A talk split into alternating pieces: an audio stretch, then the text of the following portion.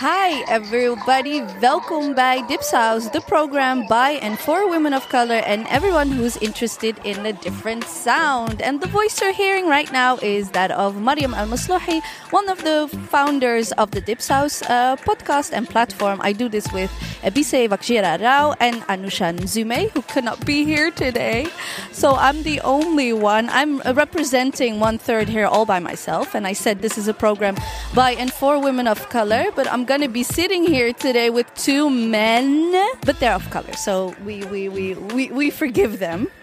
and please don't forget to subscribe. We are a Dutch podcast, but I think there are a few English um, uh, listeners, and um, it would be cool if you subscribed. And we're gonna make sporadically English episodes, so please do that. Um, this episode is recorded at the IFFR, the International Film Festival in Rotterdam. And we're here in the middle of a crowd at the podcast radio corner. So at the background, you see people, you can hear, you can't see anything. You can hear people talking, there's a little bit of music, and we're going to do this talk. But um, at the Doelen. But I'm not gonna do that alone. Um, I have with me to my left my one of I had to think of how long we've been friends, and it's been quite some time. He is a cinema enthusiast, uh, a Marvel and X Men lover, whether they're good or bad. He also is the founder of uh, Simena. Um, I'm talking about Ibrahim Alawi Sharifi. Hello. Hello. Salam. Welcome. This is your first time. You seem nervous. Yeah, I'm very excited. Like I'm I'm like a very avid listener of your podcast and uh, I've seen it like I've been following it from the start Yes. and now I'm here. Yes, yes, yes. And you've been one of the supporters from day one. And of course, I know you from Twitter. So I'm thinking, I think we started to get to know each other around like the Arab Spring. So that must be nine years. Nine or eight years we've been friends. Ah, that sounds such that sounds very long. I'm not sure. I think I think we the first time we met yeah, it's probably we we've been following each other ever since Yes. 2009. But I think the first time we met was like back in uh, 2015 during like the student protests in Amsterdam. That was the first time we Ah, was it the actually first met. time? Yeah, yeah, yeah. yeah. I And I think I didn't know that you were that Twitter account. you didn't even know me. I'm very anonymous. It- but you had a very vague No, Twitter no, account. I was like very public, very visible. That's true. And we also have a activistic socialist history that lasted for a very short time. But the thing that connected us, that made us collaborate, is um, is Simena. But first of all, we ask all our, our all guests, who are you? What do you do? And where does your house live? Okay, so um, what I do is uh, well, I'm I am uh, Ibrahim Alawi Sharifi. I'm uh, 31 years old. Yeah, I'm only 10, 31 years old. Suddenly, that sounds young. Oh, okay, okay. and uh, born in Rotterdam in the Netherlands. And uh, I work for a Dutch cultural fund, and uh, Kultur. and I live in Rotterdam. Knor. Yes. Yes. Ropa. So what? Um, but you do more than that. Tell Uh, us about Simena. I do more than that. Uh, about three years ago, I um, yeah kind of started a collective that is now um, Simena Film Club. It's a actually it started as any other film club uh, out of the interest in film. I used to watch a lot of movies, whether it was at home on my laptop or on television or at a festival or at a film house. I just watched a lot of movies, and um, I would know some other people that would were also very much into the same kind of movies that I was into, but What kind of? How would you describe your your your? it's very broad. But it's like both Hollywood, art house, mainstream, indie. I mean anything. So, um, but yeah, I, I didn't know a lot of people in real life that had the same uh, interest and passion in film as I did, and uh, most of the people I knew who that had similar interests, I knew them from the internet, and uh, happily, I mean, luckily, some of them l- lived in the Netherlands. Most of them are actually living outside of the Netherlands, but um, yeah, those fr- that live in the Netherlands are actually um, yeah, I used to meet up with them and be like, hey, maybe we should go together to this film festival or see this movie together, you know, because I don't know any other anyone else who's into these kind of movies. Um, one of them is uh, Shoaib. Shoaib is a friend of mine. Like he's my age. He's like Pakistani, Muslim, Dutch. So we kind of diaspora. Have, yeah, diaspora. And he was like the only person who was like kind of the same demographic, but also into the same things.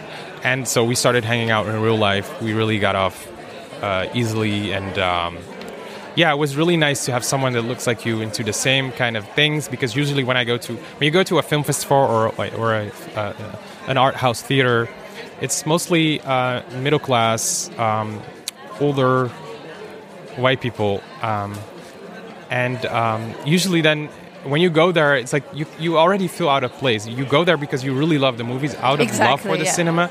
But in, in the end, especially when you go alone, it's like, yeah, do I belong here? I mean, it's nice, and but um, yeah, it's a shame because. Um, but also the movie. Oh, sorry to cut you off. No, but also the movie experience is different. So Yeah, you hear people laugh at different things. Meanwhile, if, if you're in a room, a Moroccan movie, and half of the audience is of Moroccan descent, you kind of have. It's nice to laugh with people at the same thing. But um, I mean, as a movie lover, it would be nice if you could uh, watch these movies together with, with other people.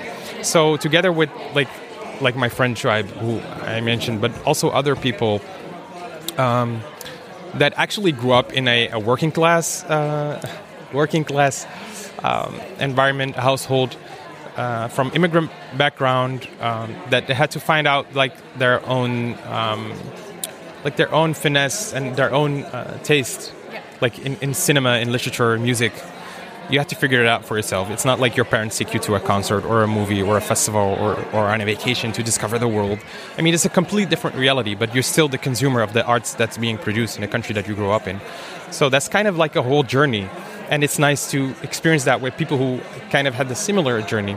So um, I contacted all these people who I know, and it was like, it just it was like very informal. I was like, why don't we get together and watch movies? I mean, like at a university or at someone's home. It didn't have to be yeah. But specifically Middle Eastern, North African Yeah, we, movies. we we decided to focus on Amina because first of all, I uh, I and a lot of people around me like we're obsessed with Iranian cinema. Like in Iran, they they really know how to make movies, and it's also a way to learn about that culture because. And in a way that it's, it's, made by themselves, it's not from a Western perspective, so that's really important. Uh, and By us for us, by yeah? us for us, and Yeah. it exists, so you don't have to be like, oh, where where are they, or like, yeah, yeah, yeah, uh, exactly. we need more. We need to hear more voices. They they're already they already exist. So why because I remember when because I remember when you pitched your idea of Simena for the first time, you actually what what really made me interested in it is that you were automatically without even knowing it you were going to attract a younger and a, and young people of color to watch a movie that is by us for us and then afterwards have a, a, a chai and chilling as you call it.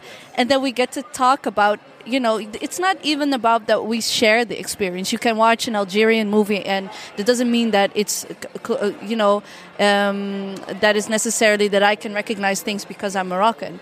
It's about that shared um, shared otherness shared migration history that makes a, that makes a cinema experience so nice and safe especially. So that's why i said like even if you're co- going somewhere to watch just a movie it's very important who you're watching the movie miss it, with. It doesn't mean you have to interact but you kind of you can enjoy a movie more if you are in a safe space. Yeah, and I think that safe space is very important because not only during the movie, um, it's not only during the movie that you experience some like remarks or, or like even nonverbal remarks.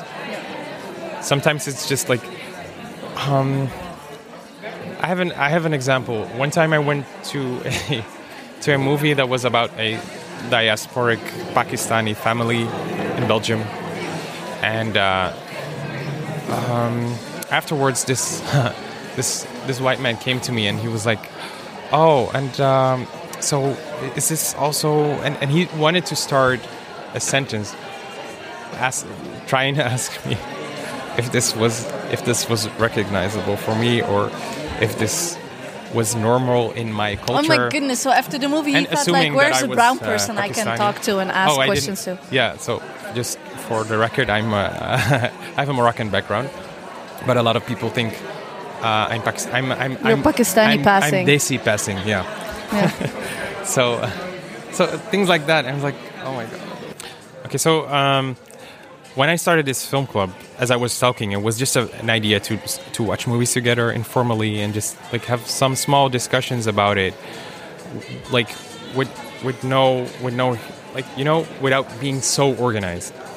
So uh, my idea was to screen a movie every month and come together, people from different different backgrounds, to come together in Rotterdam and watch movies, shorts, documentaries from the MENA region. So that that's that's why where the name Simena comes from. So it's like a, a play on the word cinema and uh, the abbreviation of uh, Middle East and North Africa. Uh, so the name is Simena Film Club. Uh, that's how it started, and. Um, our first screening was like in a in a community center in the city center of Rotterdam. We had like 35 people showing up, which was so al- already a lot. Yeah, yeah, just yeah. like I said, we just thought it inform. Just a few chairs, a yeah, beamer, just a few chairs, a, movie. beamer, uh, some some good sound system, and you know, and then afterwards have a, have some tea and talk about the movie. And um, well, as I said, a lot of people came, and we were like, oh, apparently there's like a demand for this. And uh, mostly, actually, it was mostly our, within our own network, of course, our own friends. And then the second screening, were like 70 people, and um, it started growing. People who we didn't know started to show up, and they really liked the togetherness of it. Not necessarily the movie that movies that we watch, because a lot of people were introduced to art house cinema who, who would never watch this kind of. But also people who had already seen the movie. Already who had seen the movie because we used to screen classic. That's an important thing to mention. Uh, movies that we already loved, we have already seen by ourselves, maybe, but this this was an opportunity to watch them together and to reflect on it. Um, so, as I said, it attracted a lot of people who looked like us because we know people like us. So, and within one network, it's kind of like started to it starts spreading. You know, it's like people around you who know people around you they start bringing their friends and then it starts growing and uh, very quickly a lot of uh, institutions and festivals and art house cinemas started started to notice this and they they used to they would come to our screenings and uh, they would notice the kind of crowd that we would attract and they were very interested in that and um, they uh, approached us to collaborate which was very nice for us because for us we were, we would just do this like um, next to our you know our education or work so we had no experience in programming or organize I, I had some I had a lot of uh, experience in, in organizing at, at university though but uh, not in programming and um, you know uh, programming movies and looking at facility wise things that you and logistic stuff. So uh, we saw it as an opportunity to learn from that learn from that infrastructure and uh, they saw it as an opportunity to bring um, a more diverse crowd to their um, but also their more yeah but And also so it was to a win-win. so to but Simena as I know it is so, so much much more accessible because it's in the city. Yes so yes. you walk in much easier to this uh, this to this community center Mm-hmm. than you would at the Dule that is huge and you know that doesn't necessarily look at the safe space. So that's true. That- Thank you for for telling us about um, Simena. And our guest has arrived. And um, our guest for today is the Sudanese producer and filmmaker Amjad Abu Alala. And uh, worked as a film and docu- uh, documentary director for Arab and Western channels. Um, you have traveled the world uh, with your movies, including Toronto, awards in Venice, Mumbai, Hamburg, and are now here at the IFFR screening your movie You Will Die at 20. Yeah. Welcome, Amjad. Hey. So, how is your experience so far here uh, in Rotterdam? It was great. Uh, in Rotterdam, just two days and two screenings so far out of four. And it's really very nice. And uh, I like how Rotterdam is really um, my festival, you know, like it's full, sold out a week ago and that's really made me, made me so proud and glad to be in Rotterdam for first time with a film. Ah, yes, With it's the- your yeah, first time. My first time in Rotterdam with a Sudanese film, which is the first Sudanese film, feature fiction film from 20 years. Ah. Number seven in Sudan history. So, yeah. Wow. So, okay, that's yeah. interesting. Yeah, and that actually it it's been a nice journey. Um, started by Venice, uh, Venice Days, and uh, we won like a Lion of the Future Mm-hmm. um, at, at Venice. Uh, sorry. No the problem. Cold, it's very cold here in It's- it's Rotterdam. ex- and I came from Dubai and Sudan, and it's Uh, hot. yeah. You know, you know, so- to us, we were born in Harrisy. This is a soft summer. This we call a soft winter. I'm You not call this a wearing. soft winter? This is a soft. Okay. This is a soft winter. Okay. Even my mom, who came in the 80s here, she said it was not like it used to be colder and and snow. So last year it was snow. So this year it's But you know, actually. I just came from Dubai. I just bought my camel in the airport. So I'm very happy you brought a coat. That's Yeah. great. That you didn't think like, oh, Yeah. I'll just wear a thick Yeah. sweater. So yeah, it started by uh, Venice with the award, and that made like a big uh, start. Yeah. And then for Toronto Film Festival, Palm Springs, Busan in South Korea, and El Gouna Film Festival in Egypt, we won the Golden Award there, and uh, Carthage, JCC, uh, Tunisia, and we won three awards there: the Golden Tanit for be- First Feature and Best Script, and um, FIPRESCI Award for uh, you know Great. the uh, Yeah. international critics. Congrats. And yeah, and like Mumbai in India, we screened like five festivals in India. Last award was last week. Uh, Golden Wood.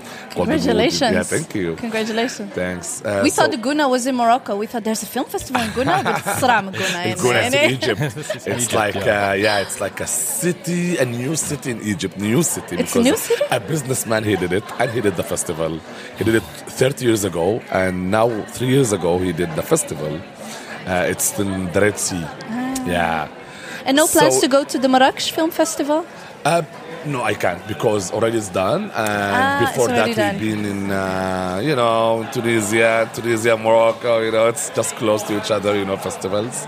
So no, we couldn't. Um, but anyway, we, we've been through a lot so far, and um, very happy because making making the film wasn't that easy. We were shooting the film during the revolution. The- during the revolution. Yeah. Yeah, and cinema in Sudan was stopped already 30 years ago because the, the Islamic and military regime they don't want cinema. So making a film during that revolution against that government, it was like a risk.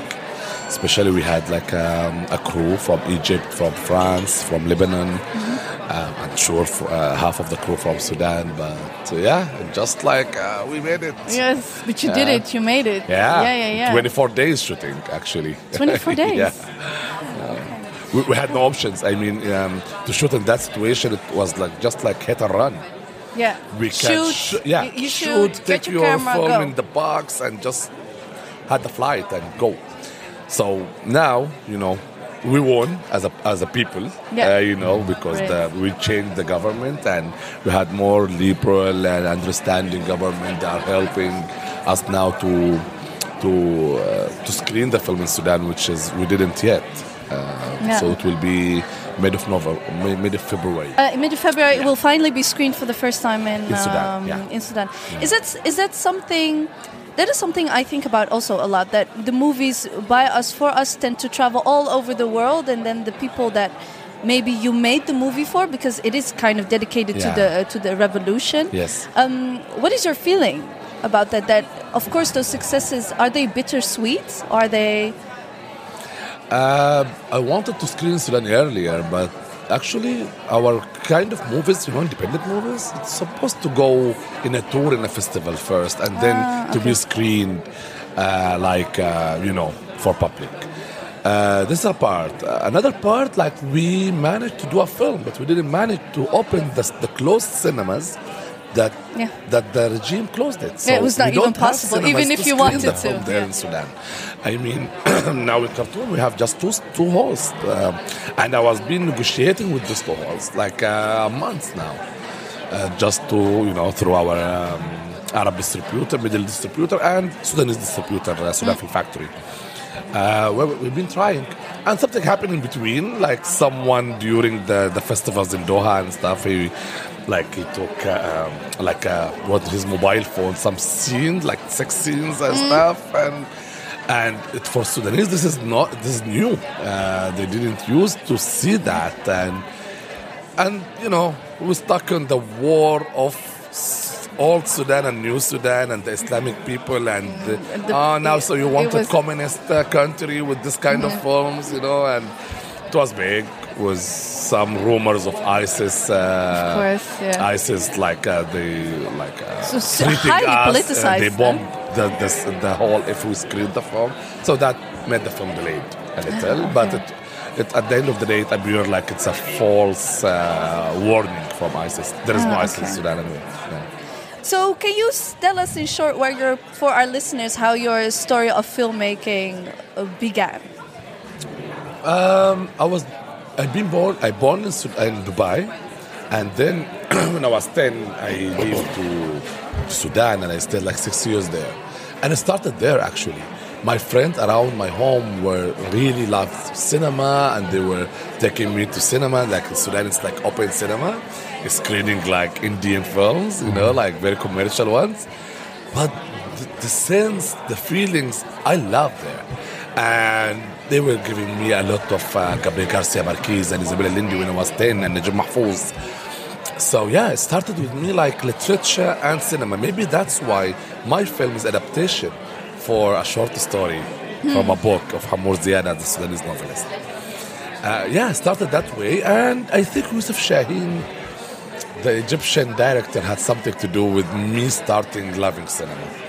Because one day I was with my family trying to see some film in the TV, and they were like, you know, changing channels.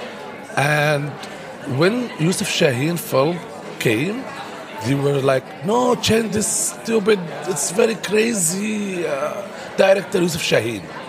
I mean, why they know his name and they hate his films.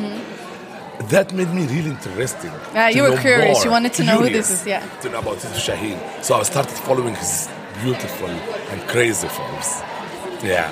So uh, after that, I won Palm of the Palms uh, in Cannes Film Festival, 2009. Sorry, 1997. And here I discovered the festivals. You know. Yes, ah, okay. So I started following this, and then I discovered Yusuf Shaheen, someone else called Theo Angelopoulos from Greek, from Greece, and I started watching his films, order his films from abroad, you know, because I was in Dubai that time in 1996, and yeah, and uh, started order films through through different ways. Uh, yeah, I think I, I just felt And like. did you think uh, I want to do the same, or did you think I want to do something different, or No, I thought like I wanted, I want to do this film who make people happy and nervous maybe sometimes. Ah, okay, You know, uh, challenge? You wanted to challenge people. Challenge people, and I think I'm doing this right now with You Will Die at 20 because it's kind of talking about religion and um, talking about my my, my view uh, very freely without taking um, on my mind if uh, Sudanese people they don't use to watch cinema a lot because we don't have cinema a lot. Maybe They Egyptian take it movies? or not. Yeah, they A lot watch of it- Egyptian- They watch Egyptian movies, but still, it's another country for them Of course, still. to see themselves in the screen with this kind of movies. I think it, it, it- could be a little bit harsh, but this is cinema. What is what's cinema about? It's not Yes, TV. exactly. Yeah? Yeah.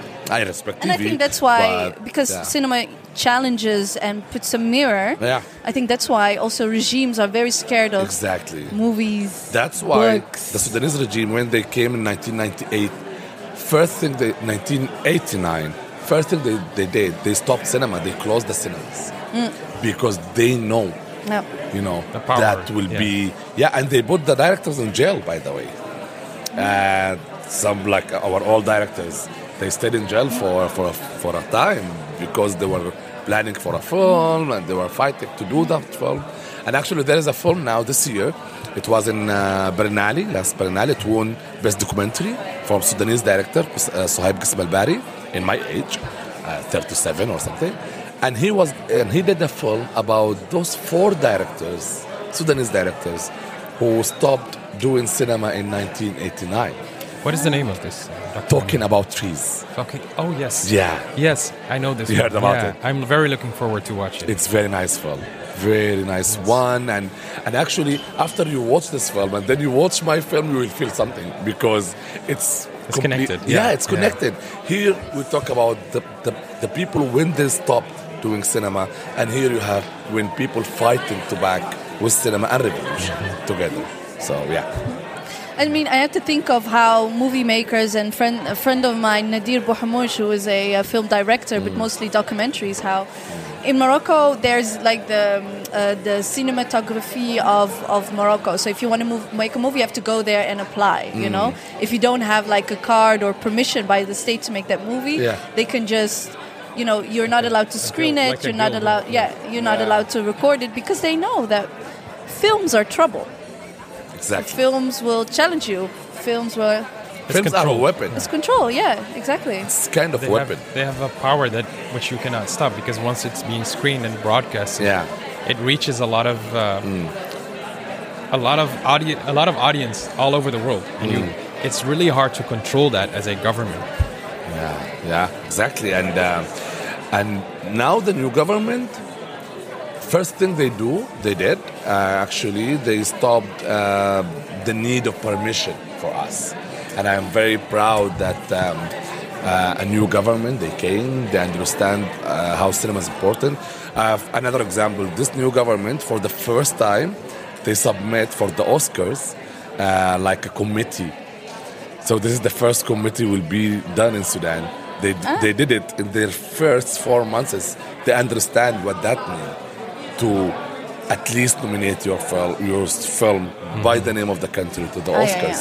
And now they uh, they send the committee. So Yeah. um, yeah, I'm I'm happy. I'm still waiting, waiting, looking for more and more from them, like supporting education for cinema Yes. in Sudan, uh, putting some funds for short films and feature and documentaries Cinematography. for cinematography. You know, um, yeah, you still. Um, I mean, I was I was so busy running around with my film, but now uh, very soon I will back to sit down with them and see what we can do. Great. It's really good to hear how like your movie has set in motion a lot of things. Like, I mean, there's now a committee that Yeah. like watches how how you know these developments. It's kind Yeah. of it, you, your film kind of kickstarted something within like the cinema. Of Exactly, Sudan. and I think really it, good.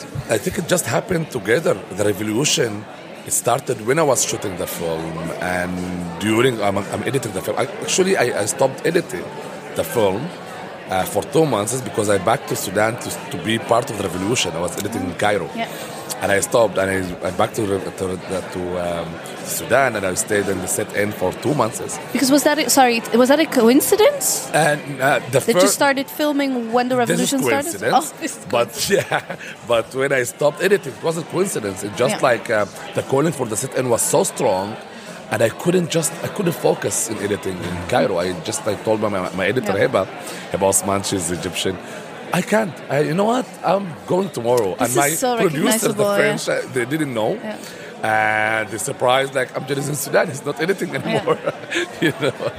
I mean, this is also such a rec- it, it, the the um, the idea I have to think of during the the Arab Spring, you know, and I was part of the 20th February movement in Yeah. Morocco, and that feeling of I'm gonna drop out. I, w- I almost dropped out of college to go demonstrate in Morocco. I went a few times and I demonstrated and etc. And you kind of drop everything, but also during that time, whether what it, it was in Tunisia, in Morocco, um, um, Egypt, there were movies. Right. There were movies made, there were documentaries made. It was such an important, it seems like such an important part of a revolution. Very, very. I, was there in Egypt that time, you know, mm. Mm-hmm. for 2011, 12, 13. A year ago, exactly, yeah. two days ago. Yeah, yeah, yeah, exactly. These days it's like the, the celebration of the revolution. Yeah. But, you know, in Egypt, uh, celebrating it in, uh, you know, as a memory, as a nostalgia, but not as a result. Unfortunately, Yeah, yeah, the yeah, results no, is not there. It's. You're- very oppressive. Your story really ma- makes me think of uh, of Iran and its Hmm. rich history of culture and arts, and their their you know their rich cinema, and how the last couple of years uh, a lot of filmmakers have been restricted, limited in their ways Yeah. of making film because of government developments. Jafar Panahi And they have, yes, Jafar Panahi, yes. Um, they get really creative and innovative in ways of making films. How has this like how has this inspired you or moved you? Or, always Iranian cinema was part of my inspiration. Mm. I mean, I remember when I was 16 and Samira Makhmalbaf was 18 and she won Palme d'Or mm. uh, in Cannes for her film Takhta Siya. I like to say it in Iranian uh, accent lang- language, uh, Takhta Siya, Blackboards. sounds very pretty. Yeah. and then I started following her and her father, Mohsen Makhmalbaf, and sure, Abbas Kiarostami, and uh, everyone. And it, uh, uh, the coincidence just happened that uh, my last short film was supervised by Abbas Kiarostami, who was my supervisor um, and my producer for, for my short film uh, studio. Uh, and he was supervising me in the script and the editing, and it was like a long workshop with him. After that, I, I had um, uh, I took like uh, a workshop, script writing or- workshop with Asghar Farhadi.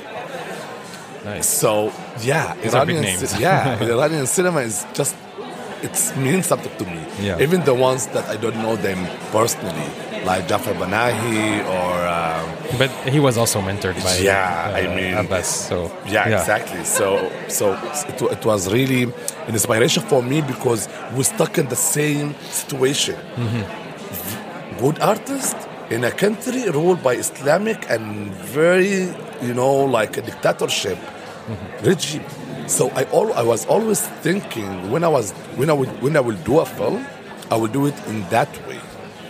Maybe I, I went out a little out of the box. I mean, they can succeed wherever they can do it. I did it when Al Bashir is is ruling, and I don't know if I will screen the film in Sudan or not. You know, I just took my risk. You know, so uh, yeah, uh, Iranian cinema means a lot to me, and I I hope for the filmmakers there to be more free. I don't know how, but I hope.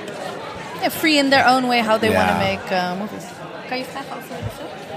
So I uh, I watched You Will Die at 20. Uh, I was really moved by this. Um, first of all, uh, so many beautiful shots. The cinematography, the composition, it was beautiful. It was gorgeous. Thank you. And then uh, the story. Um, I, I mean, quite quickly I started to realize that this was some kind of metaphor, some kind of message in there uh, relating to the to the revolution, and especially to the youth that um, about their future, about their destiny. Yeah. And uh, it was it was so direct and so uh, in your face um, how life, how a life, how a human life is valued, and um, that is something that really made me think about um, about countries and regions where we don't value the lives of people there as much as we would value it somewhere else. Yeah. And I think that's what this movie really uh, managed to uh, portray very well. I'm very happy that you saw that in the film because um, for me, I can say very little thing. When Muzammil, after all the, the community and society, they just convince him you are gonna die in 20 and you're gonna just stay at this box, you can't open it and go out. He ran. And at the same days when I was editing him running, I was watching TVs and I was there. And then I fly to Sudan and I was running with the streets with my people after 30 years of putting all the Sudanese people in that box of dictatorship. So yeah, I think uh, Muzammil is a metaphor for Sudanese people. Um, because we are really ruled by society and government and religion and you can do this you can do that it's not right. You need to do exactly how your grandfather did and how your grandmother did you know. You can do your hair like this because your grandmother did her hair it's Kind of about a cycle that you're stuck in. so, so I just wanted to do a film about freedom. Freedom is not just like a war film about you know resistance, the the, the occupation. No, freedom. Some, I mean, in that film, it's freedom from the mother. Yeah. Yes. know? And this is something you you manage to do very well because usually because in a way it's a political film without being directly political because usually and that's something I do in my programming. I, I don't usually we don't as a collective we don't usually pick films that are necessarily very political, very on the nose political about the region where they where they live, the people where they live, the makers that where they are from. Uh, sometimes you kind of need a distraction from that, Yeah. and a lot of movies that are being made from there or about that region are very political about the trauma, about the war, which is really good because it tells a story in a, in Sure, a way you wouldn't you wouldn't know otherwise. Yeah. I learned a lot about these Yeah. a lot of countries in, in general through cinema, but sometimes uh, it becomes like a, a gimmick or a stigma about a s the cinema of Because say yeah. Sudan. So I- it's yeah. I mean it has to be a movie about war or or or terrorism Yeah. to be a movie from that region. exactly. And I just, I And in your movie, you actually managed to make something very personal, very small about some a topic that is so huge. And Ma- general. may- Maybe because I don't have a standard there in Sudan. Maybe that's helped me. I mean, I, th- I think the world put the cinema for some countries in a, in the labels. You know, mm-hmm. Tunisian films should be in this way, very mm-hmm. close to French films. Lebanese films Taboos. should be very beautiful Yeah. shooting and stuff. and Moroccan movies should films- also always Yeah. be about sex workers. Yes. Exactly. I And mean, there is a, some taboos. The world put that kind of Controver- cinema. controversial. In Sudan, this is maybe the good side of having no cinema in Sudan. Yeah. Yeah, you have a you have a clean slate. You can Yeah. do whatever you want. I mean, but it's also guys- kind of risky because you have nothing to lift I up. So my if you manage to be big, that's because of exactly. your I told my work. you know? producer when we were starting, "Do you want to see a new films? Do you want to see why you are why you are coming with me and risking your money in a country that Al Bashir tomorrow can stop the film shooting? Why you are risking this?" I mean, I told them that when they try sometimes to. Mm. I said, you know what? Just let's keep it in that way, and they understand that and they loved it. I mean, uh, I always said like you used to watch Arab films and you used to watch African films, but you never used to watch both in one film because Sudan Ah, is that's that beautiful. one. Yeah, yeah, Sudan yeah. is Arab and African and Muslims and Black. some idea, some some um, I mean uh, habits from you know from Christianity. It's all together. That's why in the It's film very you can see the, the Yeah. pieta Yeah, yeah. you know.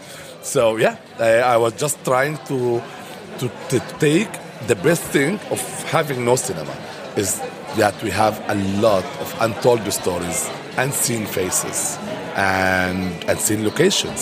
So yeah. That's that's beautiful. So we've Ma- I- Ibrahim and I also talk a lot about agency in movies. How do you direct the narrative? If you said, yeah, if you have a clean slate, if there's no cinema, you the narrative is wide open. And um, so, as as diaspora, because would you consider yourself diaspora? Uh, I don't know how to say that. My How mom would is you Egyptian. position yourself? My mom's from Egypt. My dad from Sudan, and I born and raised in Dubai. Well, but also it, yes. between Dubai and Sudan, Yeah. because it's just three hours, Yeah. you know, flying. Yeah. So yeah, I don't know.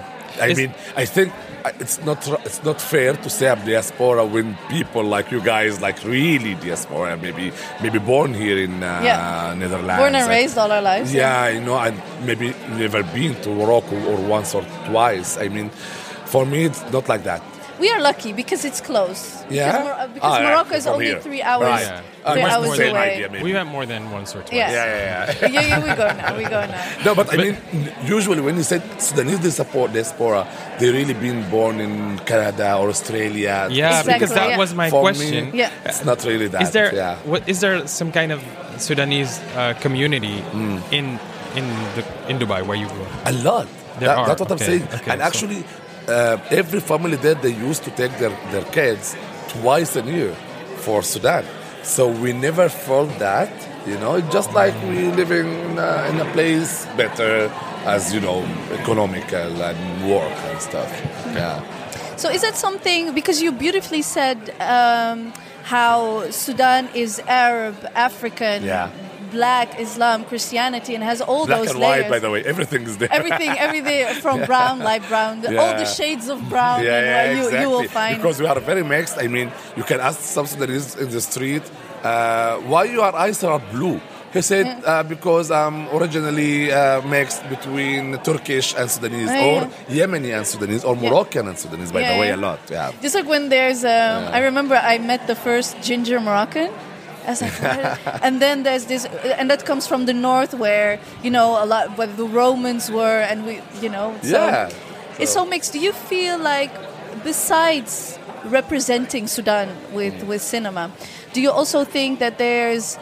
Um, what do you think of the general representation of um, African Arabs in what we call the MENA region, so Middle East, North Africa, because Sudan is counted as an Arab Sure. Arab It's- country. it's- so it how is do Arab you country. exactly? So how do you navigate that? How do you, um, especially when it's screened in in Europe, where usually they have a very narrow idea of you're either from the Middle East or here. Well, we we actually I had this discussion with someone this weekend, and we were talking about they sell here uh, hummus with ras al hanout. Yeah, yeah, I, I So- just Oh, eat it yeah, there. yeah. So right? hummus is a Middle Eastern Yeah. Lebanese dish, right? yeah yeah. But ras al hanout is a Moroccan spice. so they just mix it. they just mixed it. Yeah, yeah, yeah. And I couldn't be mad because it's delicious. I really could not I be mean, why mad. not, right? Yeah, why not? But, I mean, that's a good it's- no, we don't have representation. we That's don't a have- good don't hummus in representation Sudan, but now because a lot of Syrian are in Sudan, Oh, you so we have a lot of hummus there, and we started to use it with Sudanese food. That's why not? good, Because yeah. in Morocco, you wouldn't find hummus that Oh, really? quickly. Yeah. No, no, it's- we very have, we have little. Syria, so we have hummus. this is a good representation of like of, of the you know the Yeah, yeah, perception yeah. of what is Middle East, what is yeah, yeah. it's geographic. Right. The, that perception. dish is are my nieces. My nieces are half Moroccan and quarter Lebanese, Mm. and you just had to add jollof rice because they're quarter Ghanaian. You know that's that's uh, my nieces are one dish of hummus, ras al hanout, and jollof rice. It probably. I mean, it would sell. it would definitely sell. But how would you? How do you navigate? Because for me, it's already. I'm. I'm. I'm Moroccan. That's very clear to me. I'm Dutch Moroccan. I was born and raised here. But Yeah. sometimes I have to explain my Africanness. Sometimes I have to explain my Afro Afro Moroccanness. Um, how do you navigate that? Are you are you explaining? Are you just showing? I'm, I'm very interested in a way. for, for, uh, I, I born and raised in Dubai, which is that means something very important. Dubai is very cosmopolitan city. Yeah, yeah. I mean, it's really like something I don't know. Maybe you can compare it with not really Paris, maybe New York or something. It's very cosmopolitan. So I born and raised with all the nationalities from the from the school to the university. I mean, so we used to introduce each other, not just me as a African introduced to other, because everyone there is is a foreigner. Yeah, you know? yeah, yeah, exactly. Everyone is a foreigner. The majority. Even even the locals, because there are very few number, uh, you know, among all of us. Yeah. So Their whole- their everyone, whole work- all the exactly, workers are- exactly. So everyone is a foreigner there. So I don't. I am. so that maybe uh, in a good side make me like um, you know I'm good with everyone. I don't have like I don't take a corner when I feel like someone I don't know. Yeah, you know I became more uh, friendly and social. And that helped me, um, you know, during uh, introducing my film, even before the shooting, not just now. I mean, two years uh, going around for funds and stuff at festivals. Yeah, I don't have to sit like, you know, I'm African and I want money for Africa or Yeah. Arab, you know, and we Yeah. have awards. no, I don't have to do that scenes actually. I was just selling my story, Yeah. selling my film. And it's- myself how it should as be, a how Actually, a luxury almost. Yeah. Yeah, and my full and, and myself actually selling Amjad with. Uh, for me, I don't recognize the, the, the borders. I don't I don't No, understand no, them. abolish borders. I don't understand them, and I don't like them. Nation so even sometimes I yeah, Yeah. I didn't like even to use a lot a Sudanese director. A director, Exactly. that's it. You know. Okay, so um, something I have noticed in the last couple of years is that, um, especially from, and I, I don't think it's necessarily diaspora filmmakers, but also filmmakers from, uh, f- let's say, for instance, MENA region. Um, there's a new generation uh, that makes films, and so that means that there's a, like a shift in, in filmmaking schools. Um, what you see now is that these filmmakers of today they make different movies. They're more critical. They're more aware. They're more sensitive about topics like ide- identity Sure. and um, Revolution. revolution, social issues. Uh, it's very different from a movie you would you Yeah. would see like 10, 20 years ago. Right. Um, but I think this is mostly within the diaspora because um, like You I have like, that privilege, Yeah. yeah. you have the privilege because your your parents came here. They were, um, um, yeah, usually a big chance that they were workers, working migrants. So they just worked so you could go to school, have a good education.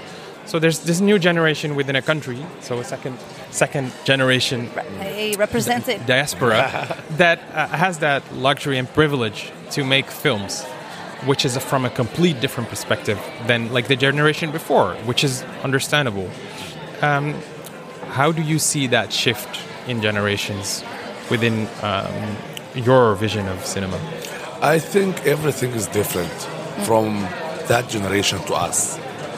Everything, including how easy now we can get into films mhm. to watch it.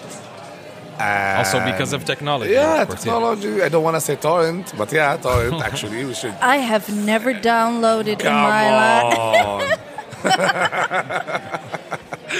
okay.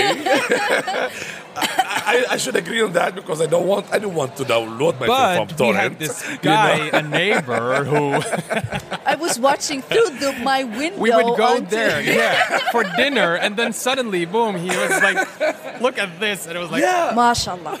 exactly. You know, so so actu- actually, I think it's different. It's easy to reach a film that you heard some big critics wrote, wrote about it in Variety Yeah. on Screen Daily, and you just want to watch this film. Mm-hmm. Just wait for it in torrent and steal it. Actually, we, we need to say that you know for steal it. Don't steal it. Don't steal my film, especially. You'll die twenty. Never find it in torrent. Amjad will find you. Don't. support the filmmakers So I think it's really different. I mean, you talk now because in Sudan now I'm, I'm, I'm doing Sudan Independent Film Festival. I'm head of programming. This is the six years. Today is the closing ceremony, but I'm here in Rotterdam, and other people is handling this. Um, so we did this festival to be a window from the people. Yeah. First years, our, our young filmmakers they came and they watched the films for the first time. Now I'm suffering to choose a film that they didn't saw it yet. you know what yeah, I yeah, mean? yeah, yeah, In just this six or seven years. they have all this access Exactly. They have all the access and to watch and so definitely answering your question, that make make them uh, and, and, and this access is not just for films, this access for politicals, for WikiLeaks, for Is it- reaching very detailed secrets of governments around the world.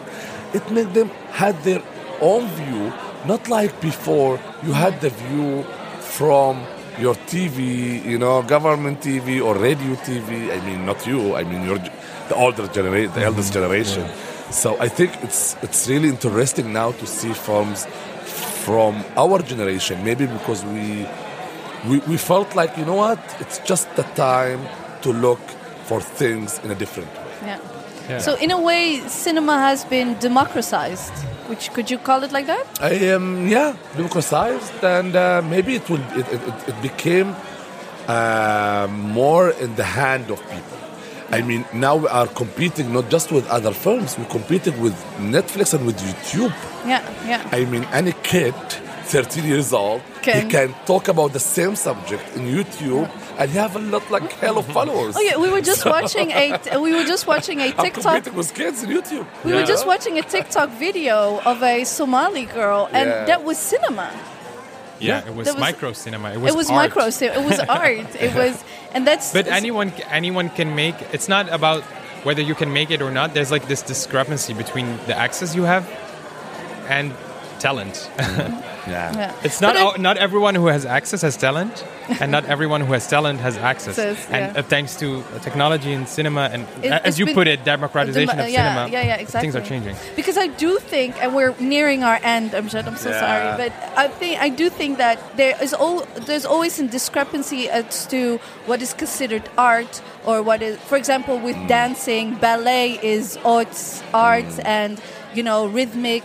Um, uh, Western African Yeah. is then something you know cultural, but Yeah, also lo- in, uh, low culture, high culture. yeah, ho- thank you. Yes. Lowbrow, so, um, and also, they used to consider that. I remember a time where they also like Dutch Moroccan series or movies were found corny or not like um, sophisticated. But because we watch it, because it's accessible, we have actually told institutes.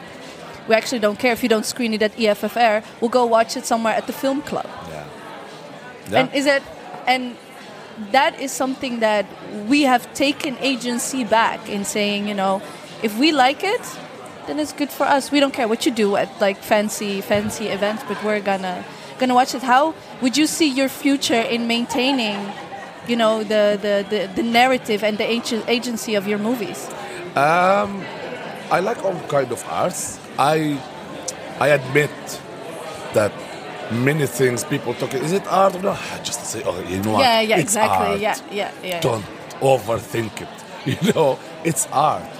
But sometimes bad, yeah. things are good. I mean, now as a programmer for a film festival, sometimes I receive films and I call the directors, guys, because you know the Sudanese directors, I care. I want them to make it Yeah, definitely. different because I don't have a lot of uh, films. So sometimes I talk to them. I was like, "Are you sure this is a cinema film? This is YouTube." And they asked me, "What the difference be- between the YouTube film and the cinema film?" And I don't know how to say like, okay, go back to Federico Fellini and uh, Stanley Kubrick and compare it by Made YouTube to be films. seen on the screen. and- yeah. Exactly. I don't know because because literally they do the A B C right, but at the end of the day, it's YouTube work. You can tell, you know. But you know, I have no evidence to give it to them. yeah. And that's YouTube. So I think, uh, yeah, that's. Uh, what I, what I thought about it when you when you were talking. Also, I'm thinking about Netflix. Ah, yeah. Now I, I will work with Netflix and I have things just to do with Oh, Netflix. great. Yeah. Nice. But at the same time, I was always thinking, are Netflix wanted to stop the cinema? Are Netflix, uh, is Netflix uh, feeling like better to have uh, people just watching, you know, Netflix on TVs and not go to cinema? You know, you remember when when they have films, they don't it in cinemas and just well, the exception was The Irishman. I mean, those were sold out, and I didn't know that three days later it was online. Yeah, yeah. But I, I'm fine with them at least to put a film a week or two in cinemas, but at least to recognize the cinema. I just am afraid one day, after 20 years from now, our you know our next generation will not find a cinema to go, or it will be very, something very exotic. yes, yeah. You know, Yeah, yeah. very like from a past. You know, Yeah. old fashioned. Yeah, yeah, yeah, yeah. I'm afraid of that. yeah. Yeah, I Yeah. think it's a matter of power too, because I, for me, it, the most important thing is like what a filmmaker. I mean, how much control you have over your own work. Hmm. If a filmmaker decides, I want people to see this specifically on Netflix or specifically in a theater or both. Yeah. then it's their choice. That's that's it's part of the filmmaking process. But at And least to as long as the they options. have like, as long as they're autonomous enough Hmm. to decide uh, how it's being distributed, then Yeah. I mean, it's who are you to, you know? yeah. I love when Brian gets passionate. He's like, I don't know. I know the table. I, I don't, Thank you so much, Amjad, for this Thank talk. But before we let you go, yeah. so Dipsaus, we always have to co- give you a difficult question. Ah. Yes, yes. The million dollar Malum, one. Malum, yes. You need to pay. okay, goodbye, Slema. so we always give our uh, guest a question of something that you have to choose. Yeah. So I'm gonna give you three movies, and one should be erased from the history and from our memory. Erased. Erased, It- like it Oh. never existed. Oh, Like Control Z. Yeah. okay. Yes. Yeah. So if I wake up tomorrow, that movie would not be in my head. Okay. Yeah, but why? You will We hear right- shouldn't. We I'm shouldn't good, I'm erase any Okay, okay. movies from the history. No, I don't accept that. And this is why we do Okay, this. maybe maybe no, parts of the movie. no, just Not no, even the whole movie. No, at even Dipsaus. the bad ones, even the bad movies. I mean, what is the worst movie in the world? Okay, I'm gonna give you. So, um, Ibrahim, you're you know from No, no, Dipsaus. that one, the artist. I mean, they, they we made- are they very the- at the Dipsaus podcast. We are very strict, so you have to. We all, our guests always have to choose. So you have to choose between the Okay. movie Okay. Lawrence of Arabia, um, Breakfast at Tiffany's, or Othello, The Orson Welles. the. Orson Welles. So what these Orson three Welles movies? Othello. Yes. And you have to tell us why it has I love to be. a- Shakespeare, and I never liked any film made for Shakespeare. Uh. so maybe I will go for Orson Welles as well. Let me tell you why we chose these movies. All these three movies, in our view, are very problematic. So Lawrence of Arabia is very orientalistic. Othello is a white man being black-faced. Yeah. And uh, Tiffany's, there's Mickey Rooney who plays an Asian guy. So Othello, take Othello back. But because I love Omar Sharif, I will not erase that one. I love Omar Okay, Sharif. um, oh, for, for the sake of Omar Yeah, yeah, Sharif. yeah. For the sake of Omar Sharif, I will leave, I will leave Lawrence of Arabia. But I will take Othello out because I love the, the novel and I hate the film. Okay, so But actually, we, we, shouldn't, my- we shouldn't erase it's anything. my favorite Shakespeare, Anything actually. happens should stay there. Even the white man with the black face, it's part of the history. Yeah. When we talk to people later, we said, see, they were bringing white This men a and good put the black point. men. This is a we good need, point. We need to have it all this is in what our it- this is also a conversation we had about Yeah. like statues of colonizers. Yeah. That they shouldn't be erased because then you erase history, but you should Exactly. deform them. Exactly. It's like I take you for a room and I said, you know what, your bad memory, I will erase it. Yes. You will accept that? No, of course not. It's Exactly, because it's part of you. That made you, you know? Yes. Thank can you, go. thank you so much, Welcome. Amjad. And uh, there was a, a lovely conversation. And I enjoyed it. I could, Thank you so much for being here. Thank you so much. And we're glad to have you. Yes, in this thank you- beautiful yeah. city. Thank you Enjoy for and thank you for agreeing for taking your time and sit with us here.